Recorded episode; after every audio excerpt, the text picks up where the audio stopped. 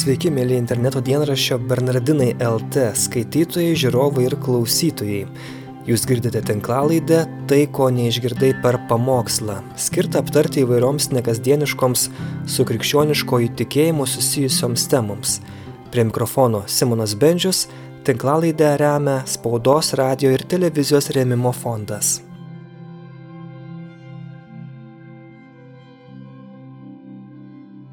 Kas buvo Biblijoje aprašomi pirmieji žmonės, kuriuos lietuviškai vadiname Adomu ir Jėva? Ar tikrai be jų iš pradžių pasaulyje nebuvo kitų žmonių?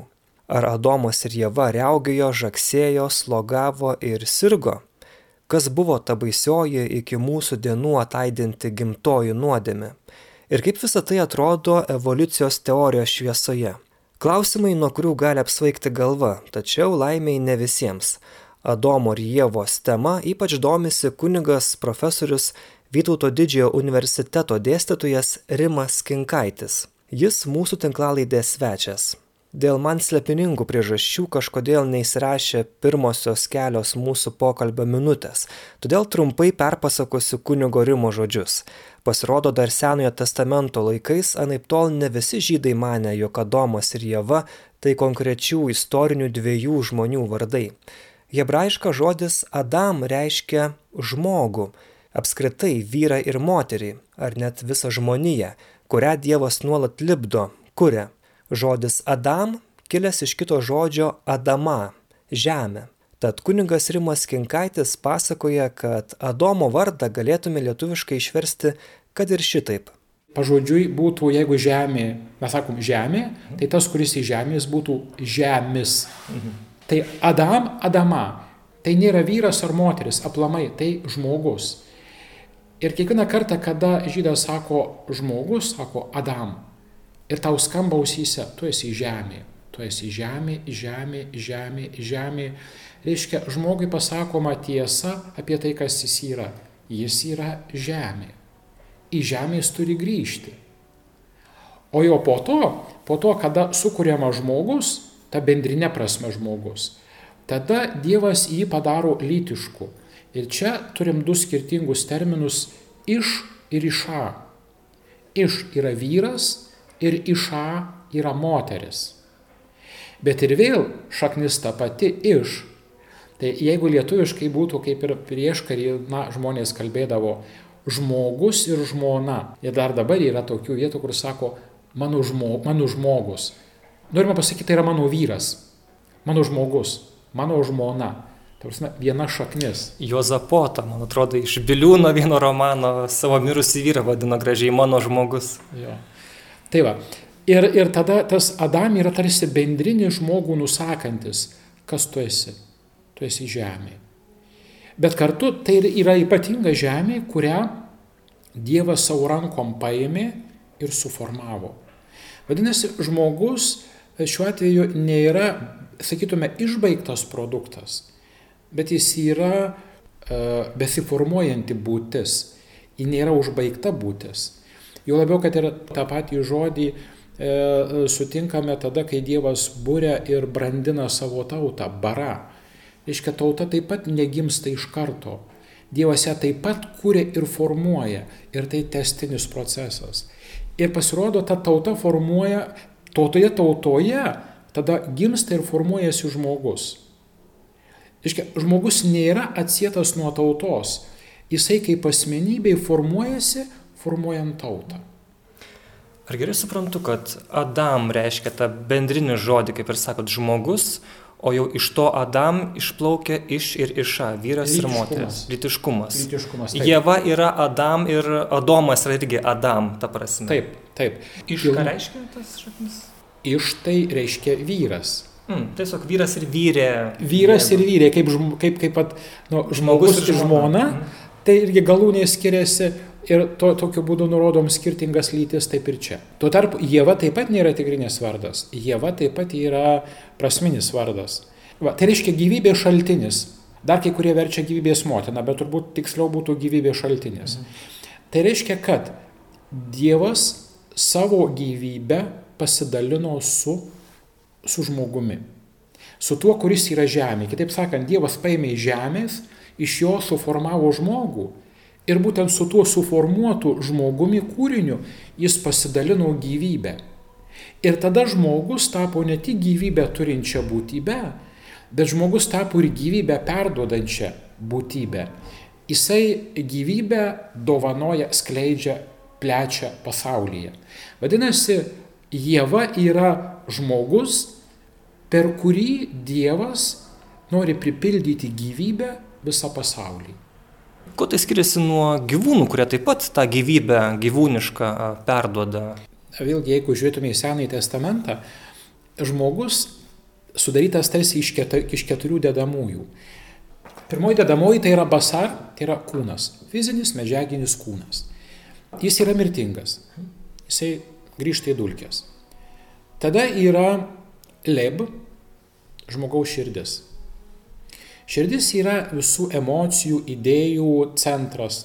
Čia ne, ne apie organą kalbama. Ne. Mhm. Šir, vadinasi lėp širdis, bet turime galvoje, kad ten viduje, mano viduje, negalvoji, bet širdį gimsta visos idėjos, jausmai ir emocijos. Tada yra nefeš, ką reiškia biologinė gyvybė. Ji taip pat yra mirtinga, ji taip pat sunyksta.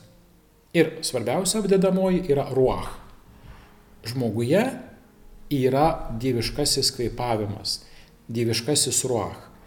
Tai štai e, žmogus skiriasi nuo gyvūnų tuo, kad gyvūnai turi tik kūną, turi biologinę vegetatyvinę gyvybę, kuri tačiau miršta.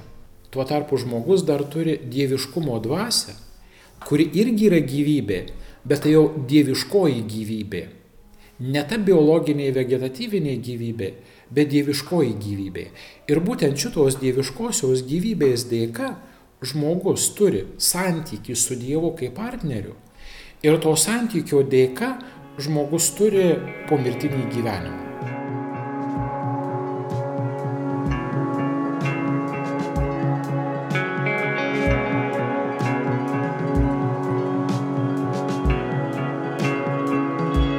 Kaip paaiškinti tą e, pradžios knygos vietą, kad moteris gimsta iš e, vyro šonkaulio, iš šono atsiranda.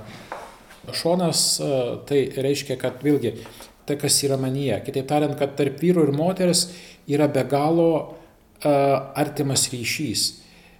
Jie yra tarsi vienas kito dalis. Žodžiu, norima tokiu būdu užakcentuoti tą vienybės ir ryšio momentą. Nes jeigu tau trūksta šonkaulio, tu tarsi kažkoks nepilnas. Ir kai tu turi šonkaulį, tu esi pilnas. Vadinasi, vyras ir moteris yra nepilni vienas be kito. Ir kaip tik tai tada, kai jie yra kartu, jie yra pilnai žmogus.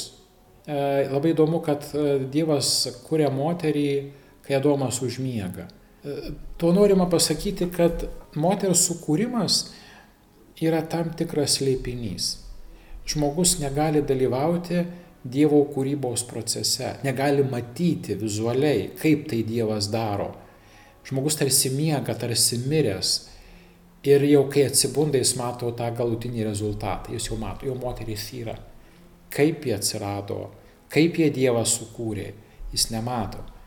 Tai irgi Biblija nori pasakyti, kad Dievo veikimas kartais būna slėpiningas ir žmogus jau negali perprasti. Žmogus negali konstatuoti ir viską užfiksuoti. Yra didesni, gilesni dalykai, neprieinami mūsų pažinimui. Panašiai kaip ir Kristus. Kada jis prisikėlė, kaip prisikėlė, tiksliau kaip tėvas jį prikėlė, niekas nematė. Visi tik pamatė Jėzų gyvą. Velykų rytą moterys, vėliau apaštalai, jie konstatavo, jis gyvas. Bet kaip įvyko tas atsibudimas ar tas prikėlimas, yra sleipinys. Tai vat, e, šitas pasakojimas savotiškai pasako, kad moteris yra Dievo kūrinys ir Dievo dovana. Bet kaip Dievas tai daro, žmogui neleista matyti. Bet ar galime iš Biblijos suprasti tiesiogiai, kad iš pradžių atsirado žemėje vyriškos lyties asmenis, o paskui moteriškos? Ne. Ne, čia reikėtų matyti kaip visumą. Nes jau kaip minėjau, e, Biblijoje vyras be moteris yra nepilnas. Mhm. Ir aplamai e, žydų sampratoje neveda žmogus na, taip jau stiprokai pasakysiu, yra nenormalus. Reiškia, jis, yra, jis nepasiekęs brandos, mhm. jis neatbaigtas. Jis atbaigtas tik tai tada, kai jis susituokia, reiškia, kai jie susivienyje. O tada, tada žmogus yra brandus. Ir todėl, pavyzdžiui, e, žydai e, labai nepalankiai žiūri mergelę Mariją, kad jinai, na, va tokia, susilaukė vaiko tarsi be vyro. Mhm. Arba į vienuolinį gyvenimą jie žiūri labai atsainiai, reiškia, kaip gali būti gerbiamas žmogus, kuris ne, ne iš, nepasiekė pilnatvės, jis nevykėlis. Tai kaip jį, jį, jį kelt pavyzdžiui jokių būdų negalima, nes jau gyvenimas nepasisekęs, jis neturi pilnatvės, neturi to vyriško ar moteriško pradaus savyje per santuoką. Mm. Tai va, tai šiuo atveju, šiuo atveju uh, negalima kalbėti, kad buvo pirmiau chronologiškai sukurtas vyras, o po to jau atsirado moteris. Čia prieštarautų žydišką mąstymą. Žydišką mąstymą prieštarautų. Tiesiog norima pasakyti, kad ir vyras, ir moteris yra pilnai žmonės ir jie atsiranda kartu, tik tai Adomas, Adam, norima parodyti, kad žmogus yra kūrinys į žemės ir vardu. Jėva norima pasakyti, kad tas kūrinys į žemės yra Dievo pasirinktas perduoti dieviškąją gyvybę ir pripildyti dieviškąją gyvybę visą žemės rutulį. Mhm. Tai va tarsi tar, dvi skirtingos vieno žmogaus, kuris turi dvi lytis a, funkciją, būti kūriniu ir būti Dievo bendradarbiu. Vyras, na, jis irgi tam tikrą prasme yra Jėva nes jisai savyje turi na, sėklą ir ją perduoda. Jis dalinasi, nes tai yra gyvybė. Ir ta gyvybė dalinasi ir taip atiduodamas, ar ne, jisai praturtina moterį ir šią naują gyvybę.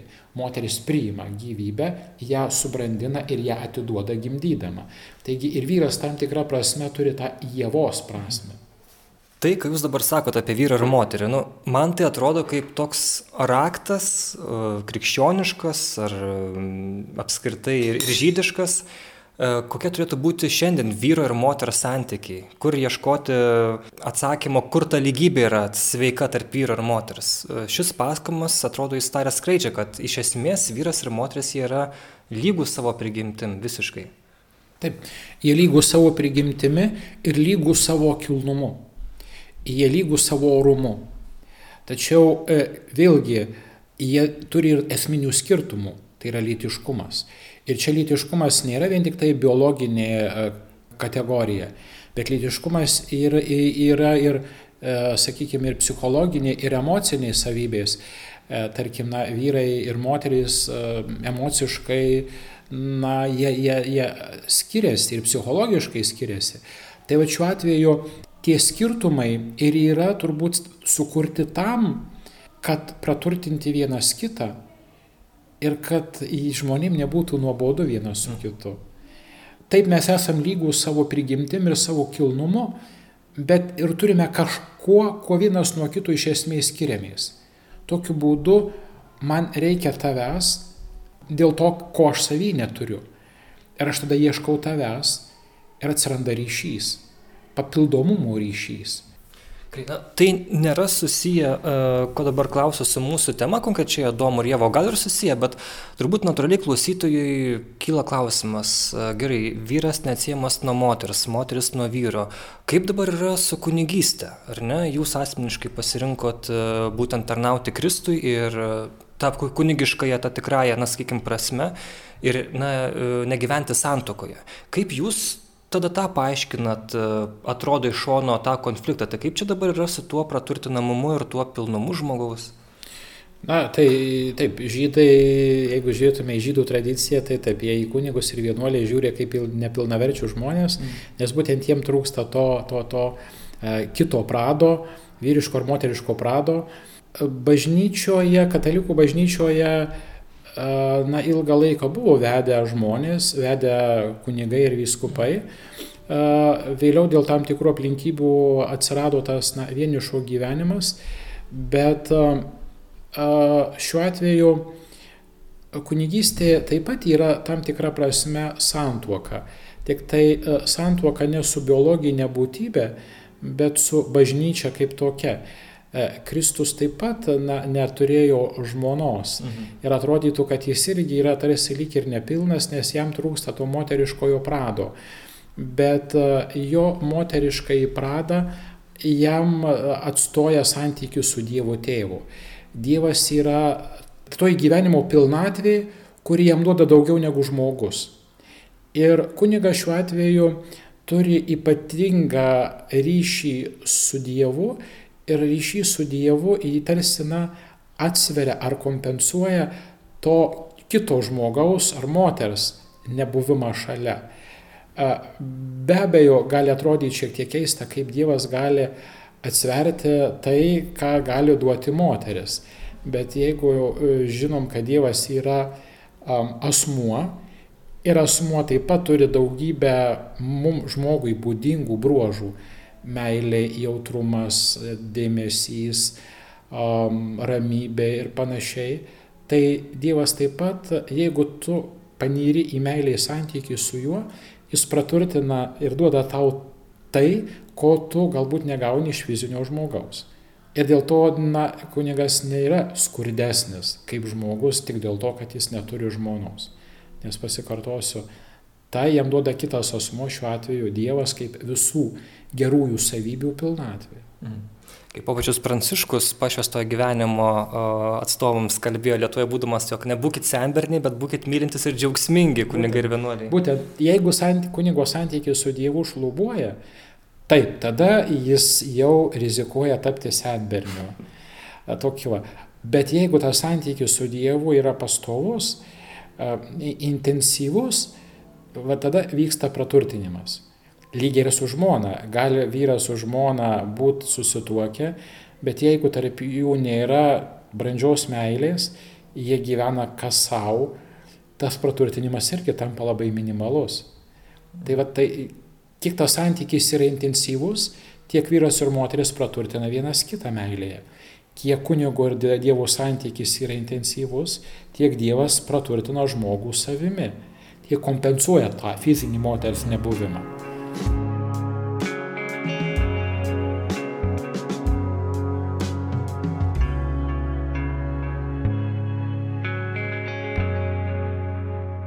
Peteris Kryftas, rašytojas, filosofas, jis tokią smagią istoriją buvo pasakojęs, jog kažkada, berots dar studentaudamas, bendrabutyje pradėjo kalbėtis ir diskutuoti su vienu draugu, ar Adomas ir Jėva, na tie pirmieji žmonės, ar jie rojuje riaugėjo. Ir sako, visą naktį iš to kilo didelė diskusija ir, ir kalba apie tai, kas yra žmogus, kaip Dievas žiūri žmogų ir panašiai. Tai čia tiesiog tokiam turbūt pasvarstymui, pamintimui, gal pats esat apie tai svarstas, kaip tie pirmieji žmonės iki nuodėmės, kaip jie galėjo atrodyti, ar jiems taip pat, ar jiems skaudėdavo pilvą, nežinau, ar, ar jie būdavo pavargę ir naidavo labai miego, ar juos varžydavo būtent tie mūsų žemiškiai suvaržymai labai tokie fiziologiniai, kokius šiandien patiriam? Manau taip, manau taip, todėl kad tie dalykai tai yra uh, kūriniškumą primenantys dalykai. Kada skauda, kada šalta, kada alkanas, tu supranti, kad tu nesi absoliutas, tau kažko trūksta, tu nesi Dievas. Galiausiai, žiūrėkim, ir Jėzus, ne, jis buvo tobulas, tobulas žmogus, bet jam irgi buvo ir šalta, ir liūdna, ir skaudėjo. Mm. Vadinasi, jis taip pat, na, kaip, kaip ir Marija, tai nemanykim, kad ir Marijai ten neskaudėjo, kad jinai nesirgo, ne. Bet tie pojūčiai jie nebuvo problema žmogui, kada jis buvo vienybėje su Dievu. Na, žiūrėkim, labai paprastai žmogiškai, ar ne? Vaikas. Kada jis šalia mamos. Kas be nutiktų, jisai iš karto glaudžiasi prie mamos ir daugelis pavojų jam netrodo baisus, nes mama šalia. Bet jeigu tik mama atsitraukė, jis bijo baubo, jis bijo tamsos, jis bijo dar tūkstančio dalykų, jis visko bijo jam atsiranda begalės problemų. Panašiai ir žmogus. Kada žmogus buvo kartu su Dievu, Dievo artumoje, tie dalykai, na, jam, jam nebuvo problema. Nes Dievo buvimas šalia tarsi kompensuoja visus tuos na, nepatogumus. Tačiau, kada žmogus per nuodėmę nusigrėžė nuo Dievo, kada nebeliko tokio santykio, koks buvo anksčiau, žmogus pasijuto vienišas. Skausme, kančioj, varge, Ir, ir, ir tam pasakojime po nuodėmės Dievas sako, padidinsiu tavo skausmus gimdant. Jis nepasako, kad apkrausiu tave skausmais. Mhm. Padidinsiu.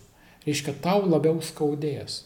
Kitaip sakant, tie pojūčiai radikalizuojasi į tai, kas anksčiau atrodė nu, menkniekis, dabar tampa drama.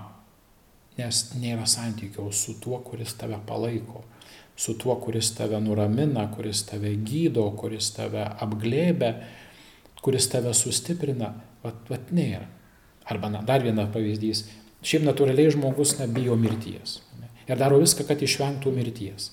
Bežiūrėkime dabar mūsų kankinius, ar pirmųjų amžių kankinius, arba antro pasaulinio karo meto kankinius Dietrichas Bonhoefferis arba uh, Maksimilijonas Kolbė. Mm. Maksimilijonas Kolbė jis galėjo nežūti, bet jisai sako, tai aš, ar galima aš numirsiu už tą vyrą, kuris turi šeimą? Galim. Jis nebijo mirties, nes už mirties jisai aiškiai žino, kad jo laukia mylintis Kristaus veidas. Protestantų pastorius Dietrichas Bonhoefferis e, irgi viena iš paskutinių frazių buvo koncentracijos stovykloj. Jūs manot, kad man pagalas? Ne, man pradžia. Žodžiu, tas, kuris netiki, jis mirtį mato kaip kažką baisaus, kaip tragediją. Kada tu už mirties matai mylinti Jėzaus veidą, tau ne tragedija tu visiškai kitaip reaguoji į tą pačią mirties patirtį. Tai va čia e, skirtinga reakcija, kai tu prieš save turi Dievą ir turi santykį su juo. Ir kada tu neturi tuo santykiu ir už, už tos problemos arba mirties yra visiškai tamsu. Tu žymiai labiau įsigasti, labiau sudramatizuoji, labiau sutirštini spalvos. Primenu, kad kalba kunigas Rimas Kinkaitis, kuris pasakoja apie Biblijoje aprašytus pirmuosius žmonės, kuriuos paprastai vadiname Adomu ir Jėva. Mano pašnekovas ką tik užsiminė apie gimtąją nuodėmę, apie tai išsameu jis papasakos kiek vėliau. O kol kas kitas intriguojantis klausimas. Iš pirmo žvilgsnio gamtos mokslai paneigia Adomo ir Jėvos istoriją. Juk tokių dviejų veikėjų negalėjo būti, juk žmonės, tiksliau įvairios žmonių rūšis, iš kurių šiandien išlikome tik mes, Homo sapiens, taigi tie žmonės laikui bėgant išsivystė iš bendro mūsų bei beždžionės protėvio. Tad atrodo, šventasis raštas kalba nesąmonės. Tačiau mes jau išgirdome, kad Biblijoje viskas nėra jau taip paprasta ir banalu. Tad judame toliau.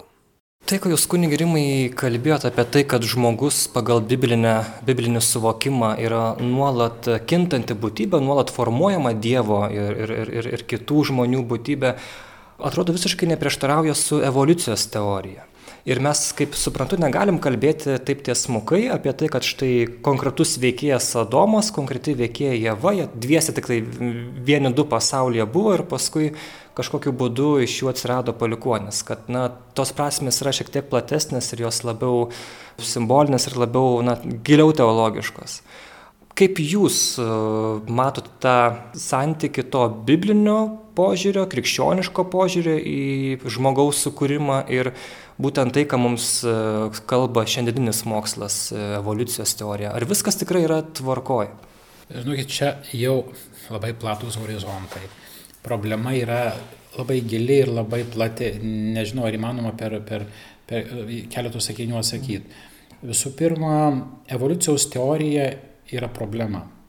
Yra problema. Jis yra problema. Problema todėl, kad jau vien todėl, kad pats pavadinimas teorija. O teorija yra tai, kas dar e, yra neįrodyta. Na, bet dėl ko daugiau mažiau susitarta, bent jau kol kas. Suprantat, kad gali būti argumentų ateityje kitų. Žiūrint, žiūrint reiškia, į evoliucijos teorijos uh, ištakas, tai, na, čia turbūt visiems žinomas yra Čarlzas Darvinas su savo garsiuoju veikalu. Bet uh, jeigu mes paskaitom originalą uh, arba paskaitom kitus tekstus Darvino, tai Darvinas e, kaip tik tai mato evoliucijos teoriją kaip Dievo planą. Ir e, pavyzdžiui, jisai e, sako, jis kalba apie akį, manyti, kad akis toks sudėtingas mechanizmas galėjo atsirasti atsitiktiniu keliu, man atrodo visiškai neįtikėtina. Toliau, pači, tame pačiame savo garsiausiame veikale jisai sako, reikia stebėtis, kaip kuriejas apdovanojo tokią nuostabią rūšių įvairovę, kuri nuo mažiausių, paprasčiausių gyvybės formų e, išsivystė iki sudėtingiausių. Todėl mane galite teisėtai vadinti teistu. Tai Darvinas, jisai, jis ne, neįsivaizduoja, kaip gali vykti savaiminė evoliucija be Dievo ir evoliuciją jis mato kaip kurėjo iniciatyvą, kaip tam tikrą kūrimo mechanizmą, kuriuo Dievas naudojasi, kad atsirastų e, visa tai, kas yra atsiradę. E, evoliucijos teorijoje yra na, tam tikrų, kaip sakykime, ir žiūrint jau iš empirinio mokslo pozicijų, žiūrint iš fizikos, biologijos perspektyvų žiūrint yra tam tikrų spragų, kurios visiškai prieštarauja šitai, šitai, šitai teorijai. Tiesiog e, eksperimentai chemijos ir, ir fizikos, jie prieštarauja kai kuriem tos teorijos postulatam. Ką turite omeny? Pavyzdžiui, kad evoliucija tai nėra vien tik tai e, žmo, pereimas iš beždžionės į žmogų. Jeigu imam visą evoliucijos procesą, tai pirmiausia turim žiūrėti perimą nuo negyvosios gamtos e, prie gyvosios, nuo neorganinės prie organinės. E, puikiai žinom, kad e, na, gyvybė atsiranda iš lastelės, iš baltymo, bet tai yra organinis junginys. Dabar baltymui susidaryti reikia tam tikrų medžiagų ir sąlygų. Klausimas, kaip gamtoj, kuri pilna buvo, reiškia, na, negyvų organizmų, neorganiniai chemija su savo elementais, kaip jie galėjo suformuoti pirmąją lastelę. Pirmąją lastelę atsirasti reikia ypatingų amino rūgščių, jų reikia apie 20. Laboratorijoje mes sugebam pagaminti, bet gamtoje jos pačios nepasigamina. Atsitiktinių būdų galima pagaminti ten, tarkim, žaibas, vanduo, tam tikros temperatūros, gali susiformuoti viena, dvi amino rūgštys, bet jų reikia 21.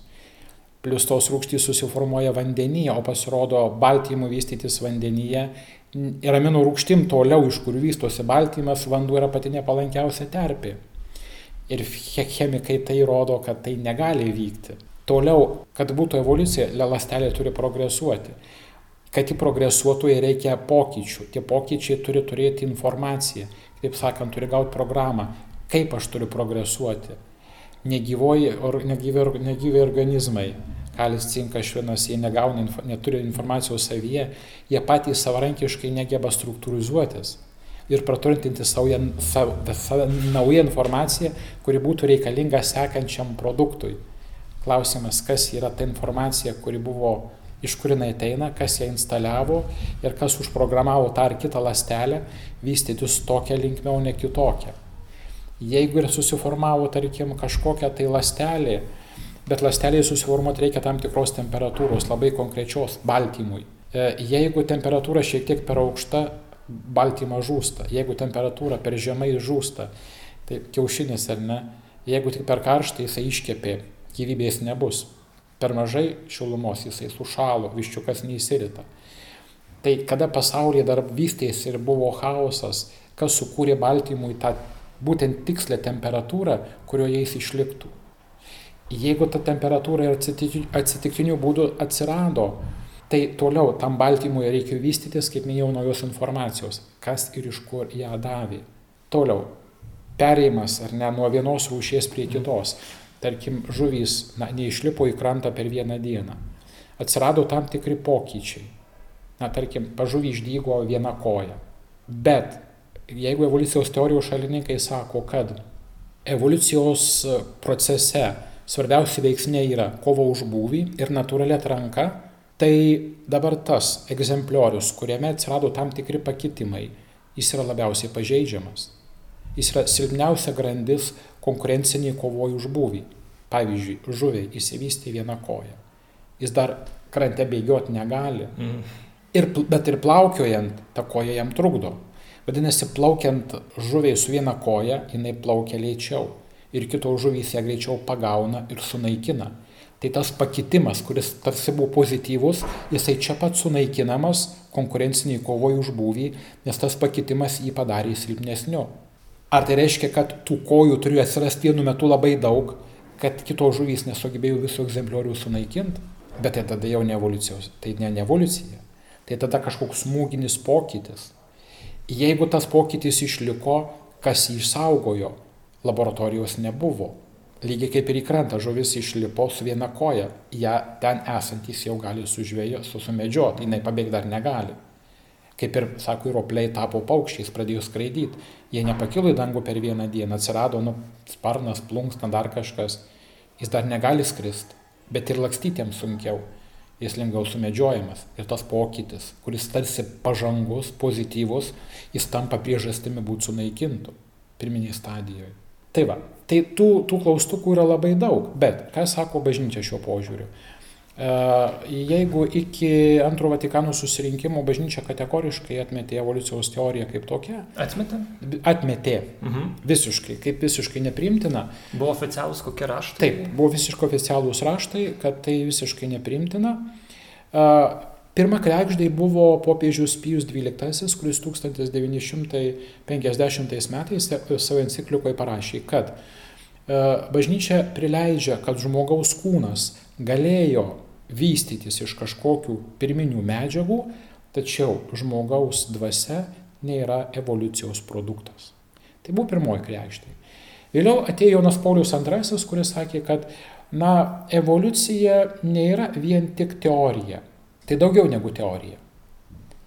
Bet po to atėjęs Benediktas XVI sako, evoliucija vis dėlto nėra įrodyta ir pagrįsta teorija ir mes nesam atsitiktinės evoliucijos produktai. Žodžiu, bažnyčia nemato, kad tai yra eretinė mintis, tačiau kartu prilei, neprileidžia, kad evoliucija gali būti savaiminė. Kad tas procesas įmanomas be Dievo dalyvavimo ir be Dievo įsikišimo. Jeigu žiūrime į pradžios knygą, galima galbūt išvelgti, Dievas kuria septynias dienas. Mm. Ir nuo labai paprastų e, formų kūrinių prie sudėtingesnių, kol viršūnė pasiekia žmogumi. Tai tos septynios dienos vėlgi yra simbolinis skaičius, reiškia gana ilgą laiką, arba sakytume laiko pilnatvę. Septynetas tai yra tarsi pilnatvė. Tai reiškia, kūrimas vyksta ilgą laiką, kol pasiekiama pilnatvė. Ir vyksta ta kryp, kryptinga prasme, ta tokia pozityvia kryptimi, nuo paprastesnių prie sudėtingesnių. Tai galbūt Dievas galėjo vat, naudoti evoliuciją kaip vieną iš savo kūrimo instrumentų ar metodų. Jeigu evoliuciją mes pripažįstam kaip kryptingą ir pozityvų procesą, tai vis dėlto e, Dievas yra tasai, kuris užtikrino, kad tai vyktų kryptingai ir pozityviai, tą augančią e, kryptimį, o ne destruktyviai. Juk tie visi savaiminiai procesai, jie, gali, jie, jie neturėjo kryptingumo. Ir kas jiem davė pozityvų kryptingumą? Patiem iš savęs. Nelogiška. Tai vad, e, bažnyčia sako, kad Dievas galėjo būti šito kelio autorius, palaikytojas. Ir kai kurie teologai sako, nereikėtų kelti klausimą Dievas ar evoliucija. Dievas evoliucijoje. Ar teisingai suprantu, jog pagal tokį požiūrį Dievas kartkartėmis įsiterpdavo į patį evoliucijos procesą tam, kad e, paskatintų tam tikrus pokyčius, kaip jūs minėjote? Ne, galbūt nebūtinai Dievas e, turėdavo įsikišti tam tikrais kartais. Tiesiog Nes tai vadinama uh, protingo kūrimo teorija, būtent tai, kad kartais Dievas įsikiša ir konkrečiai vat, padaro, kad iš bežionės būtų žmogus ir panašiai. Bet e, kai kas sako, kad galbūt Dievas aplamai sumanė šitą procesą ir tiesiog jam davė, davė akstiną vystytis ir jau po to jam nebereikia įsikišti. Tiesiog jis sugalvojo ir davė impulsą ir toliau viskas vystosi taip, kaip jau buvo sumanyta. Na panašiai kaip ir ferverka, ar ne? Mes dangui matom įsiskleidžia ferverkas, ar ne kažkoks labai gražus. Ir a, suprantam, kad jis ne, ne, ne, nesusiformavo pats savaime, kad tai buvo žmogus, kuris jį sugalvojo ir davė stimulą jam įsiskleisti. Ir po to žmogus jau gėrisi. Tai ir čia, čia va, vėl tas mechanizmas, kad Dievas pradžioje sutelkė, tą, sukūrė tam tikrą planą ir modelį vėliau davė stimulą jam vystytis dinamiškai ir, ir kadangi Dievas yra tobula išmintis ir, ir tobulumas, tai ir jo sumanimas ir projektas, na, tobulai vystėsi pirmin, taip kaip ir Dievo buvo sumanyta, be atskirų jau įsikišimų kažką koreguojant ir kažką įterpiant. Tai jūs gal pritartumėt e, Templetono premijos laureato uh, Franco Collinso garsaus genetiko minčiai, jog na, jis kelia tą biologoso idėją, kad uh, Čia turbūt labai susiję, kad štai Dievas sugalvojo, jog žmogus atsiras evoliucijos būdu, jis tą inspiravo, įkvėpė ir paskui jau be įsikišimo natūraliai, na, kabutėse natūraliai viskas jau ir įsivystė iki Homo sapiens. Taip, taip, galėjo būti tik tai, na, matot, su žmogumi, čia truputuką vėlgi subtilus dalykas.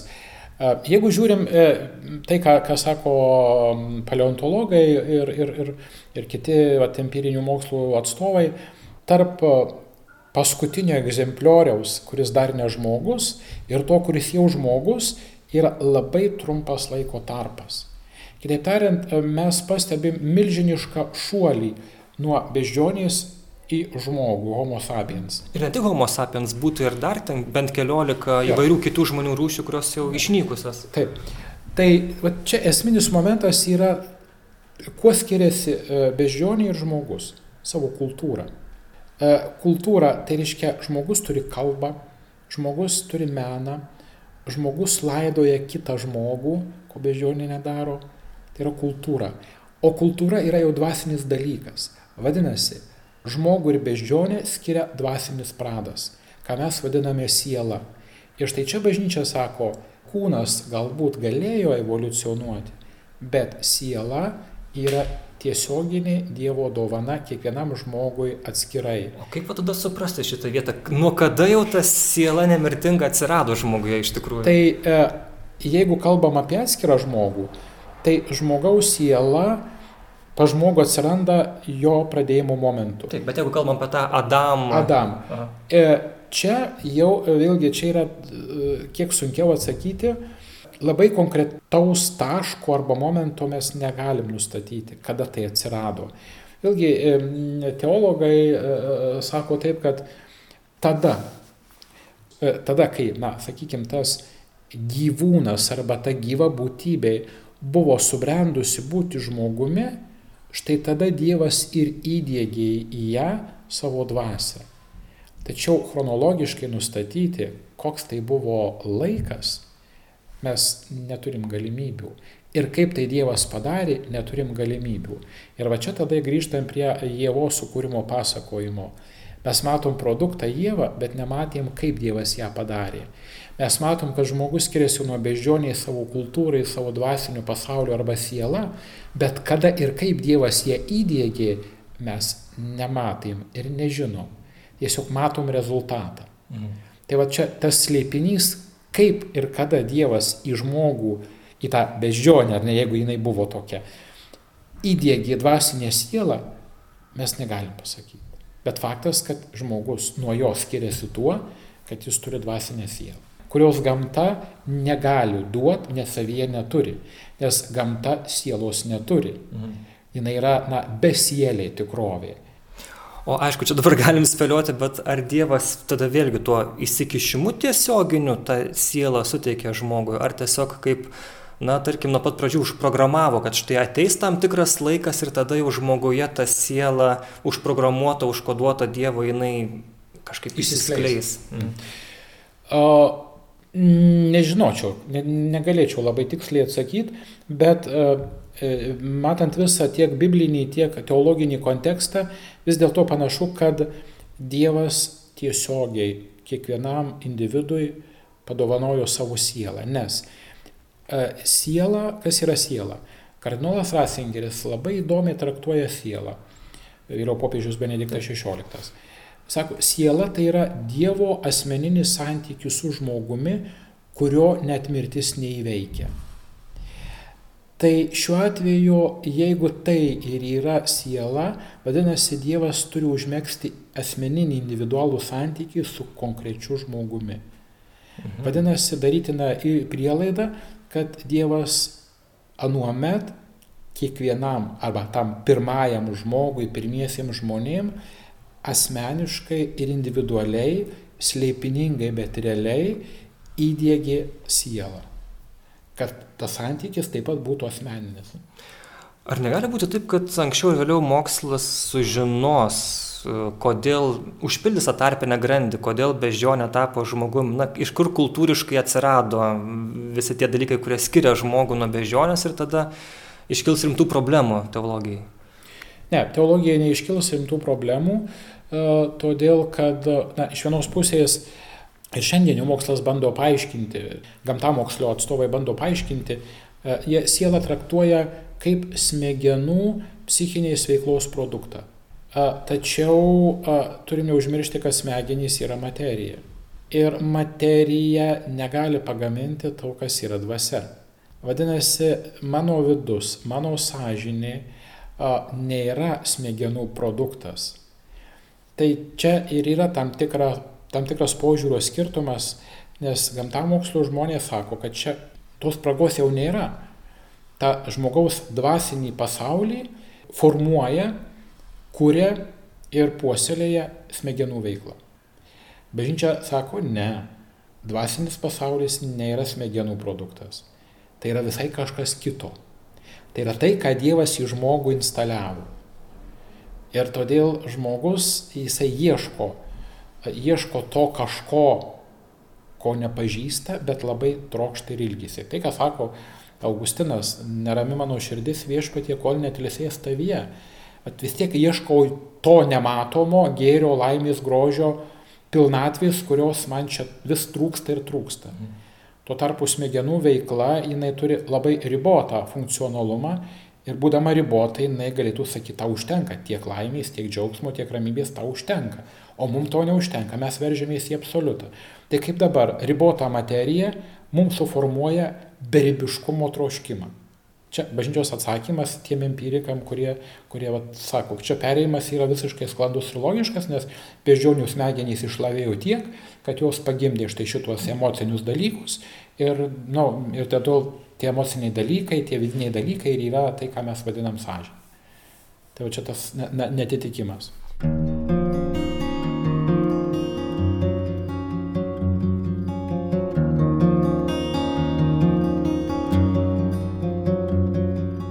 Tvarkoj, dabar kaip yra su pirmąja arba gimtaja nuodėme? Ar tai reiškia, kad tie žmonės, jau, kuriuos galim vadinti dvasiniais žmonėmis, jie iš pradžių, kaip ir Biblija rašoma, jie nepažino nuodėmės, jie buvo visiškoje taikoje su Dievu, tada kas paskui galėjo atsitikti tokio katastrofiško, kad na, ne tik, kaip suprantama, Domas ir Jėva nusidėjo, tačiau ištisa žmonija ir paskui susigadino savo tą santykių su Dievu. Kaip jūs pas tą paaiškintumėt? Čia, reiškia, reikia žiūrėti į biblinį pasakojimą. Biblinis pasakojimas, jisai, vėlgi tai nėra reportažas iš įvykio vietos, bet tai yra tam tikrų tiesų o, perteikimo žanras. Mes kalbam apie pradžios knygą. Taip, pradžios knygą ir būtent, būtent tą nuodėmės pasakojimą. Mm. Pirmiausia, žmogus buvo sukurtas bendrystėje su Dievu.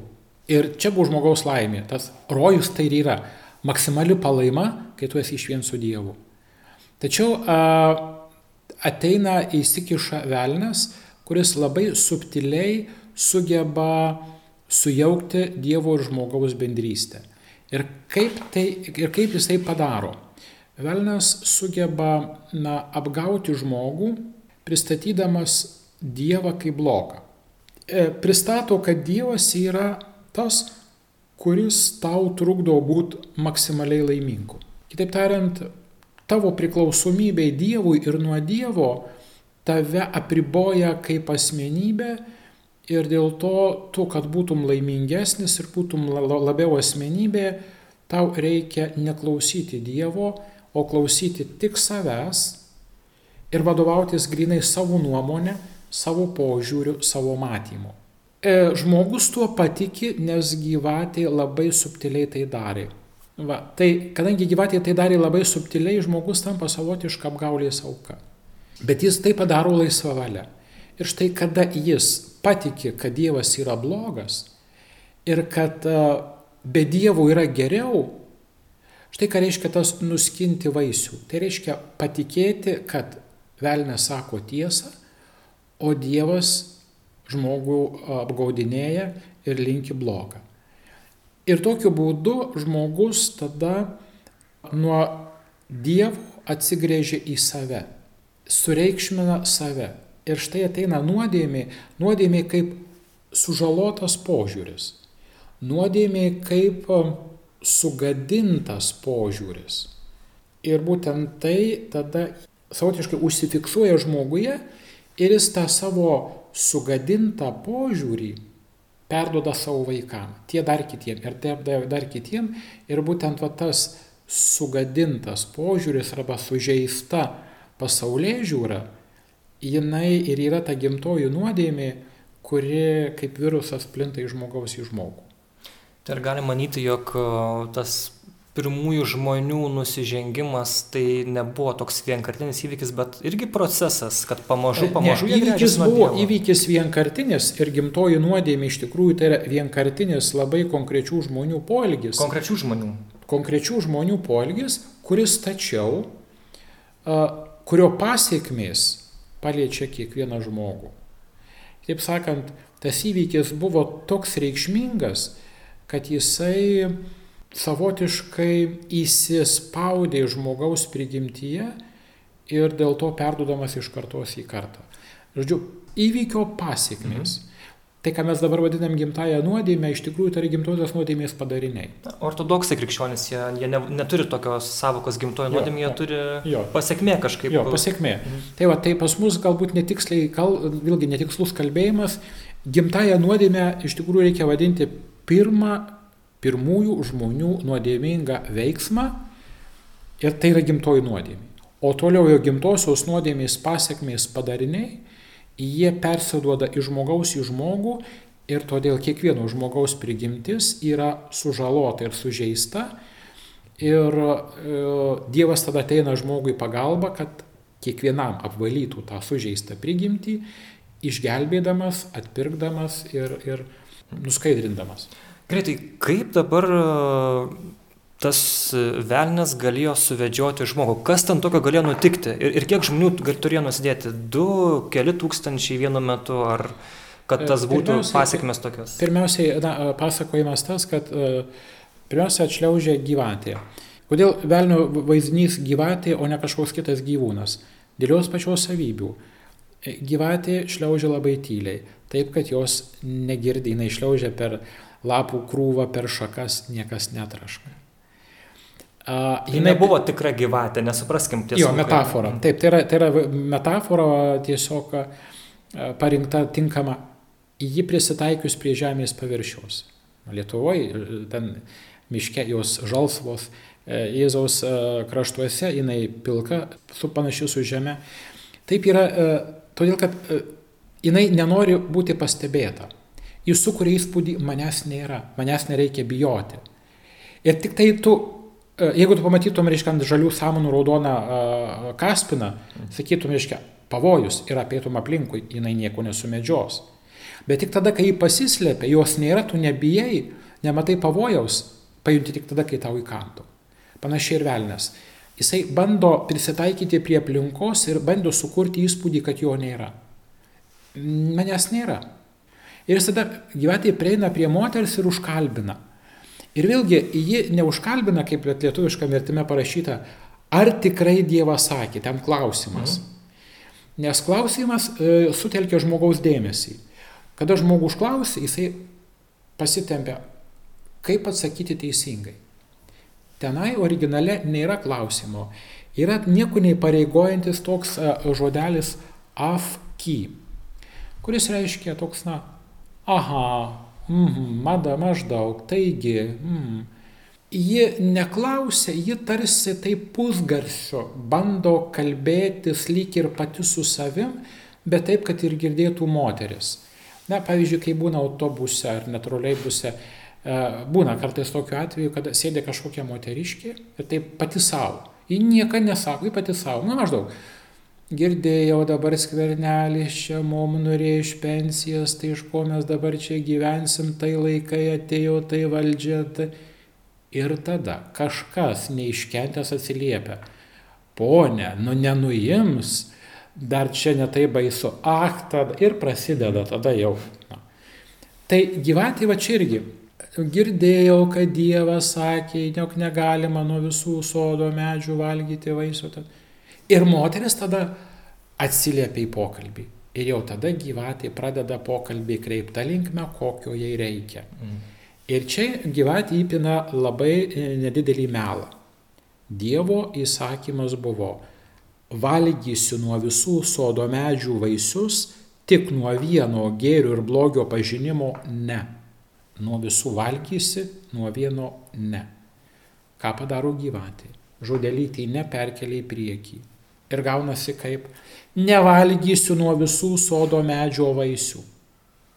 Bet kadangi moteris nebuvo, moteris nebuvo klausiama, ji nesutelkė dėmesio. Ir frazė nuskambėjo labai panašiai. Ir jai pasirodė, kad tiesa. Nežinodama tiksliai, ji praklausė į vieną detalę. Ir tai buvo esminė. Ir tada jinai sako, taip, tikrai taip. Ir net liesti mum neleido. Dar nuo savęs. Reiškia, ji pritarė gyvatės melui ir dar nuo savęs dadeda, net liesti neleido. Dievas nieko to nesakė. Gali kilti klausimas, kodėl yra tas draudimas nuo visų leido, Taip. nuo vieno ne. Čia irgi, ir pirmiausia yra dovana. Dievas dovanoja žmogui visą gamtą, visą aplinką. Imk, naudok, gyvenk. Tai sukurta tau. Draudimas taip pat yra Dievo dovana. Tai yra tiesos dovana. Draudimu Dievas nori pasakyti žmogui, kad tu esi kūrinys ir tu esi ribotas. Tu nesi Dievas gėrio ir blogio pažinimo metas. Tai vėl metafora. Žydai visumai nusakyti naudoja kraštutinumus. Jie neturi vieno žodžio, pavyzdžiui, mes sakom para. Jie nesako para, jie sako diena ir naktis. Ima ribas.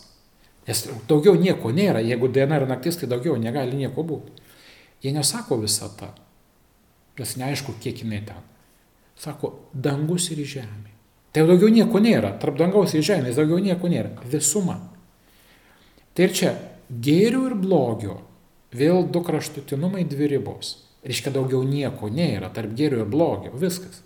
Dievas sako, nepretenduok pažinti viską. Tai yra visuotinio pažinimo simbolis. Nes tu net laikysi, tu ne Dievas, tu būdamas ribotas, turi ribotą pažinimą. Tu su tuo turi susitaikyti. Jeigu tu pripažinsi savo ribotumą, tu normaliai gyvensi. Bet jeigu tu susireikšminsi ir pasiduosi apga, iliuzijai, kad tu gali pažinti viską, tu net laikysi. Tiesiog ribos tavo tapatybės dalis. Tu be ribų negali būti. Tai yra tiesos dovana žmogui. O ką sako gyvatė? Sako, žiūrėk, Dievas blogas. Jis ne tik tą, jis visus uždraudė valgyti. Jis nieko neleidžia, jis viską draudžia, jis pavydė, jis blogas Dievas, tu jo neklausyk. Ir moteris sako taip, ir liesti neleido. Liesti tai galima, pripažinimo Dievas leidžia mums prisiliesti, leidžia jį patirti, tik sako, tu visko nesu, nesuvirškinsi, tu reiks saiką. Tai, sako, moteris neįliest neleido, jo atės sako teisingai. Tai dabar ką daryti? Tu sako, tu spręs savo galvą, žiūrėk. Iškia, nuodėmės esmė įtikinti žmogų, kad nereikia klausyti Dievo, nereikia klausyti autoriteto, reikia klausyti savęs. Tu spręsk pagal tai, kaip tau atrodo. Gerą ar blogą, maža kas ką šneka. Žiūrėk, kaip tau, kaip tau atrodo. Ir moteris sako gražu. Nu ir viskas. Jeigu tau gera, tau gražu, tai tai ir yra gėris. Ir va tada žmogus patiki, kad jis gali spręsti, kas gera ar bloga, kad jis vienintelis turi teisę būti šio pasaulio atskaitos tašku. Ir va čia tas susireikšminimas ar puikybė, kurią gyvatė įbruko, įsiūliai ir tapo sužeisto mentaliteto, sužeistų mentalitetų, kuris iš tėvų perdodamas vaikam, anūkam ir taip toliau. Bet tas užkratas, sužeistas mąstymas, sužeistas žvilgsnis arba iškreiptas žvilgsnis į Dievą ir tiesą, kurie Dievas mums sako. Tai ta Dievo bausmė, kaip suprasta, išvarėma iš rojaus tada šituo atveju. Tai nėra, kad Dievas paėmė ir, ne, ir išmetė į lauką. Tai reiškia, žmogus atsigręždamas į save nusigrėžė nuo Dievo. Žmogus nusigręždamas nuo Dievo, reiškia, Dievas yra laimė, tai yra rojus. Bet kada aš atsigrėžiu, nuo jo nusigrėžiu, atsigrėžiu į save, aš nusigrėžiu nuo rojaus. Mhm. Ir aš jau netenku. Aš jį prarandu tada praradęs bendrystę su Dievu, pasitikėjimo ir meilės santykiai praradęs, aš prarandu tai, kas vadinama rojum. Ir lieku tada pats su savo ribotumu, savo trapumu, savo nuodėmingumu, štai ką reiškia prarasti rojų, o ne tai, kad išmetė ir nubaudė. Tai žmogaus paties padaryto veiksmo uh, vaisiai. Tai dabar žmogus, kuris tą veiksmą padarė, tai buvo konkretus žmogus, ar tai buvo žmonių grupė, kaip tai galėtume sunku, suprasti? Sunku pasakyti, sunku pasakyti, ar tai buvo viena, vienas žmogus, na, šiuo atveju du žmonės, ar tai buvo žmonių grupė, turbūt netai svarbiausia. Pats pasakojimas, simbolinis pasakojimas parodo, kas yra nuodėmė ir kaip jinai ateina. Ir faktas, kad šita nuodėmė palėtė žmoniją nuo pat jos atsiradimo pradžios kolektyviai palietė. Kokį skaičių vienu metu palėtė, mes negalim žinot, bet jį palėtė kolektyviai. Mhm. Iškia, Adomas ir Jėva, pilnas žmogus, tai reiškia visą žmogų kaip tokį, nuo pat jo atsiradimo pradžios jinai jau, jau palėtė.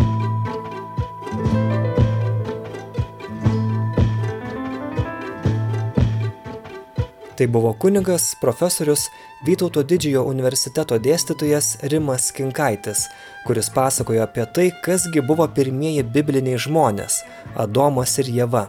Viliuosi, kad jums buvo įdomu ir naudinga išgirsti pašnekovo atsakymus. Galbūt dabar dar kartą atsiversime pradžios knygą ir naujų žvilgsnių perskaitysime pirmosius šios knygos skyrius. Tinklalaidę Tai, ko neišgirdai per pamokslą, rengiau aš, Simonas Bendžius. Šį projektą remia Spaudos, radio ir televizijos rėmimo fondas. Iki.